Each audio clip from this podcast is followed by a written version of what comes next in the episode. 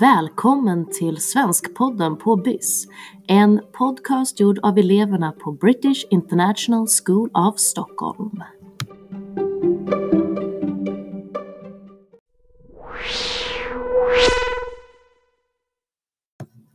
Välkomna tillbaka till vår egen svenskpodd. Det går snabbt nu och det är inte många veckor kvar till skolavslutningen. Vi har kommit så långt som till avsnitt fyra. Och eh, nu kommer de här efterlängtade novellerna som vi har spelat in att äntligen få komma upp, publiceras här för föräldrar och andra elevers lyssnan. Ni kanske hörde den där smällen nyss, jag vet inte hur mycket mikrofonen plockar upp. Men det är jag här och Miss Wemgård som sitter i svenskrummet mitt under rasten. Det är lite musik i bakgrunden, någon låt som går radioactive, radioactive. Fotbollarna träffar från och till lite på rutan, lite på väggen, det dunsar.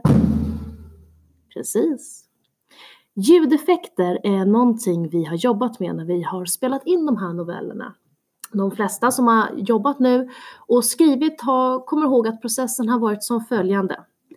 Först får man skriva ett utkast. Vi har jobbat i 12 veckor med de olika pusselbitarna i en novell. När utkastet har varit klart så har vi gett feedback till varandra. Därefter har vi fått analysera hur vi själva har tagit emot feedback och därefter göra slutgiltiga versioner. Och för att liksom fylla upp det där sista kravet på att kunna använda estetiska uttryck för att förhöja och verkligen få fram budskapet i texterna så har vi då valt att spela in de här. Vi har använt oss av V-video framför allt som då ger oss möjlighet att lägga in rätt häftiga ljudeffekter. Jag gillar ljudeffekter, jag gillar ljudböcker. Jag tycker det är ett fantastiskt sätt att kunna låta folk få djupdyka i en berättelse och upptäcka en ny dimension.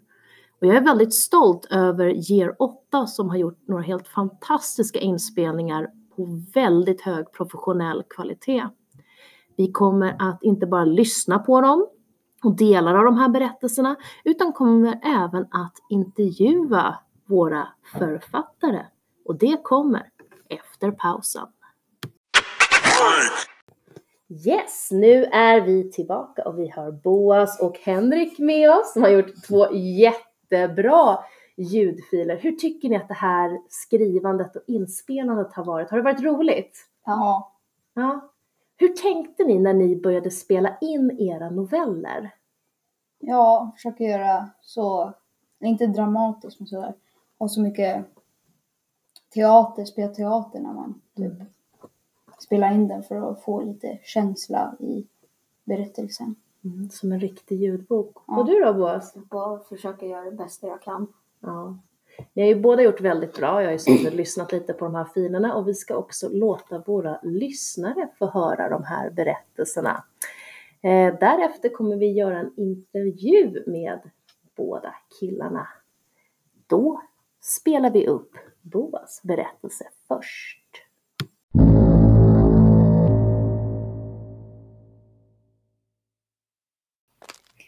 Flocken hade gått bredvid havet för några timmar nu.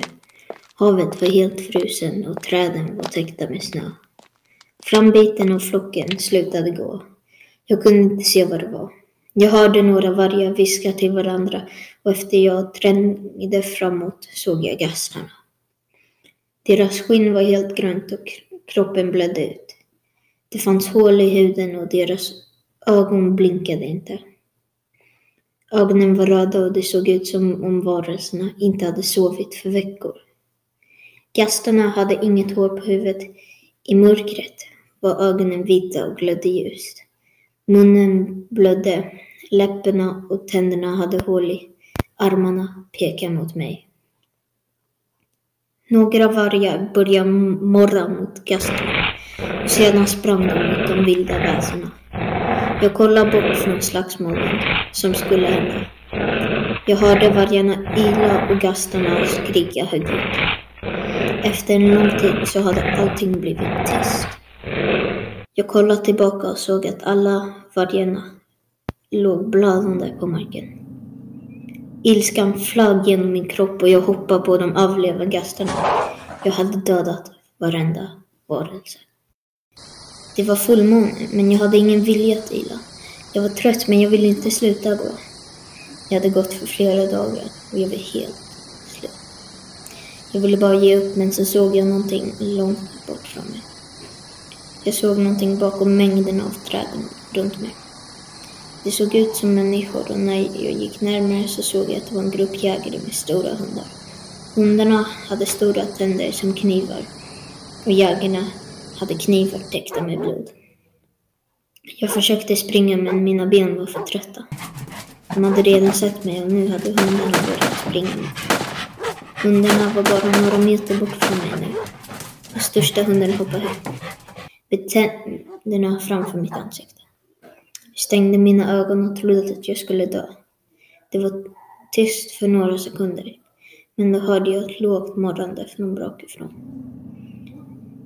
Jag öppnade långsamt mina ögon. Istället för flera hundar såg jag att alla var döda på marken.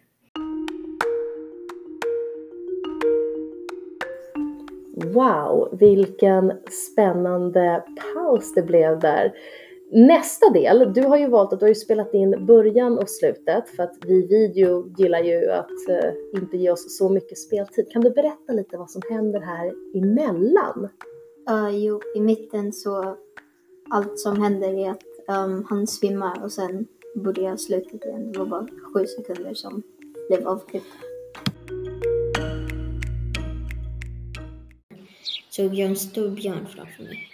Det var också en liten björnunge som var i väldigt djup sömn. Jag trodde att jag skulle bli uppäten men så frågade björnen mig om jag ville ha någonting att äta. Björnen lät inte farlig heller. Jag kände mig säker igen. Hur kom jag hit? Och vem är du? frågade jag. Jag hade varit i en snöfylld skog men nu så såg jag solen högt över mig och jag kunde höra fåglarna vissla. Jägarna följde efter dig från långt bort, för jag känner inte igen dem. Jag skulle nästan dö av den där hunden, men så räddade jag dig, sa björnen till mig. Efter maten så kan jag hjälpa dig tillbaka till din flock om du vill, sa björnen. Det blev tyst för ett litet tag. Björnen såg underlig ut att jag inte svarade. Hela min flock dog i en strid mot gastar. Men jag var den enda som överlevde, sa jag långsamt. Björnens ögon öppnades mycket och hennes svans slutade svänga. Björnungen hade vaknat och nu så hade vi börjat äta. Vi har ingenstans att gå till. Inget hem, inga vänner, ingen familj. Sa jag till björnen. Det var en lång tystnad mellan oss medan björnen kollade på mig från ovanifrån. Jag heter Sabina och det här är Vilgot, sa Sabina och pekade till ungen. Du får stanna med oss om du vill, sa björnen moderligt. Alla slags känslor kretsade runt i mitt huvud. Några dagar sen förlorade jag allt och alla, men nu så är jag inte ensam. Nästa dagen vaknade jag tidigt och såg någon, att någonting rörde sig bakom träden. Jag gick närmare till buskarna och såg en flock gå runt. Det var många vargar och jag ville bara springa dit och följa med dem. Jag men jag kollade bara på. Jag hörde någonting bakom mig och såg Sabina. Hon kollade djupt i mina ögon och nickade långsamt mot mig. Våra snuttar rördes varandras lätta. Jag vände mot mig och sprang mot flocken. Jag sprang hem.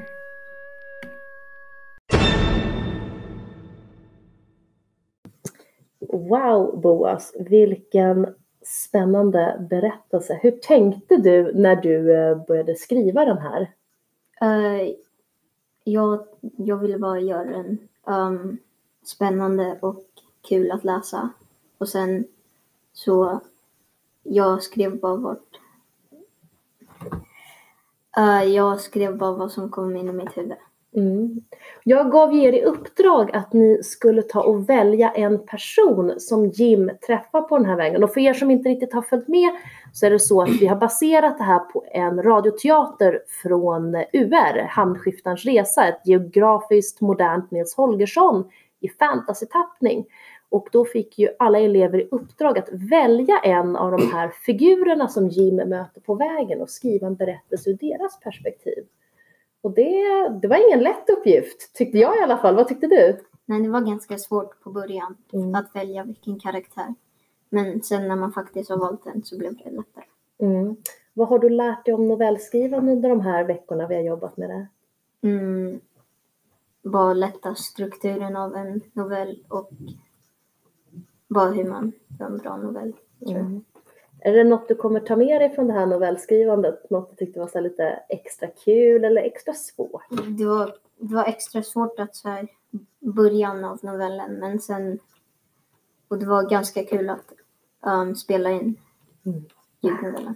Vad härligt. Då tackar vi för den berättelsen och det som kommer härnäst det är Henriks berättelse. En lika spännande och engagerande ljudbok.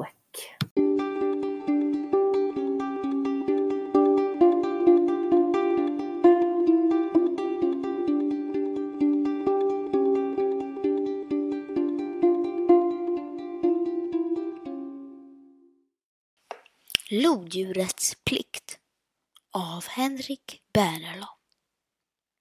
Solen sken i mitt ansikte men det hindrade inte min vilja och mitt mod att hinna upp på kullens spets. De härliga och varma solstrålarna höll på att långsamt glida ner bakom kullens enda träd. Jag sprang så snabbt jag kunde mot kullen och undvek tjocka granar. Jag sprang över stora fält med blåbär där man nästan kunde se de mogna mörkblåa blåbär som såg så, så goda ut. Trots det fortsatte jag löpa upp till kullen medan jag såg solen och kanske sommarens sista strålar försvinna bakom vinterns mörker och kyla. Men nu var jag nästan framme och hann precis upp till kullen och såg över den gamla skogsmarken som sträckte sig över horisonten. Jag kände det de sista varma strålarna på mitt svettiga ansikte och tog det sista djupa sommarandetaget. Nu hade solen försvunnit bakom horisonten och allt blev mycket kallare.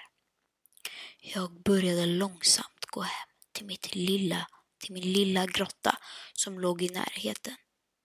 Men marken blev kall och himlen var stjärnlös men månen stod högt upp i den kalla himlen och en liten vind från norr började blåsa i mitt håriga ansikte.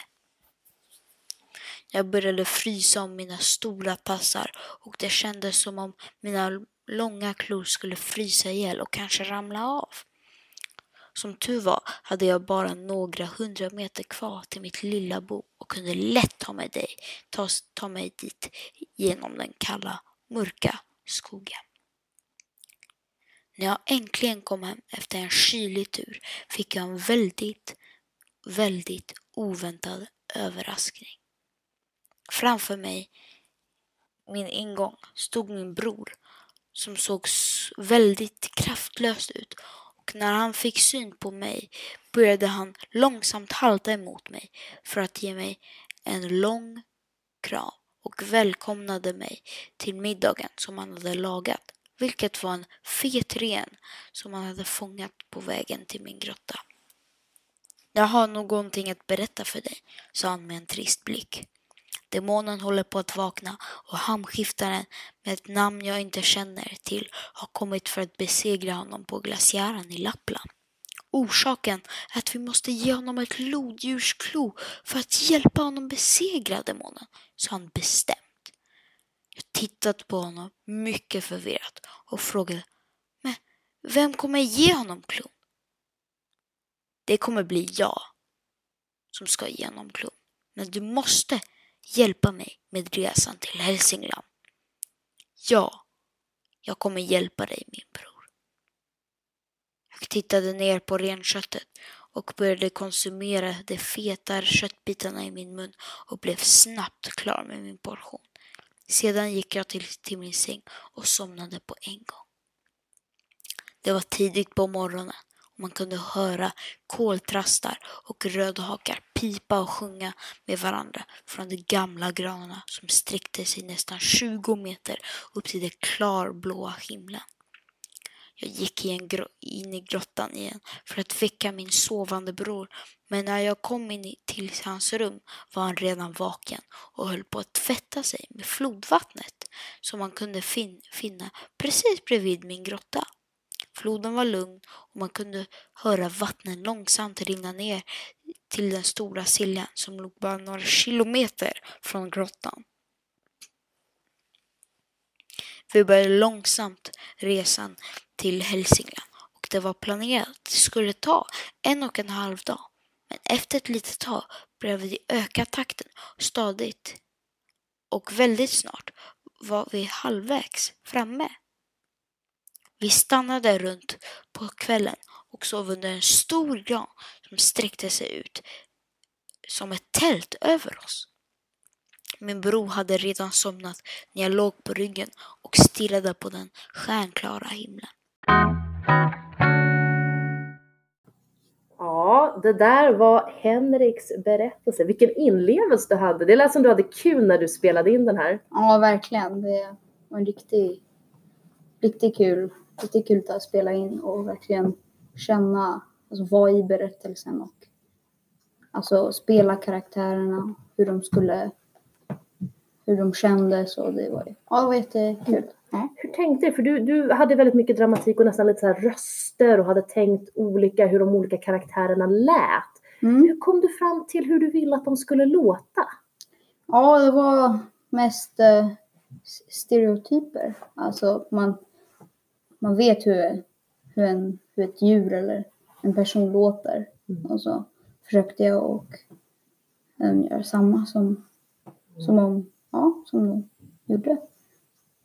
Känner du att du lärde dig någonting speciellt nu när vi skrev noveller och spelade in? Någonting så här bara, wow, det här tar jag med mig till framtiden. Och verkligen ha en bra inledning. Mm. Och mycket gestaltning. Att, alltså gestalta nästan allting man ser. Och eh, ja, verkligen allting nästan. Verkligen. Det Mm. tar med mig hela Ni eh, vet ju vad gestaltning är, men jag vet inte om våra lyssnare vet vad gestaltning är. Ska vi förklara lite vad det är för någonting? Har vi något så bra slogan för vad det kan vara? Henrik? Eh, det är när man, man, man, ber, man det- berättar om någonting. Eller man, Man beskriver man, någonting. om man beskriver någonting. När man beskriver, som om jag skulle, om jag säger jag var arg. Då säger man inte, istället för att säga jag var arg, då kan man säga jag stampar med fötterna på golvet. Då vet läsaren, alltså det här, då är han arg. Då behöver man inte säga han var arg. Mm. Kommer ni ihåg vad jag lärde er? Show not tell. Mm. Ja, det ska vara lite som en videofilm nästan som spelas upp. Och det är ett Ja. väldigt bra sätt att levandegöra en text. Tack båda två för att ni medverkar i den här podcasten och jättetack för att ni spelade in de här ljudfilerna. Ja, det har varit en lite längre podd den här gången och det har varit rätt så spännande berättelser. Och är det någon mer kanske som inte går i årskurs 8 men som fortfarande vill ta och medverka i podcasten med en inspelad eh, novell eller kanske en bokrecension så är det bara att ni hör av er till Miss Vemgård. Jag, Henrik och Boas tackar för oss. Hej då! Hej då!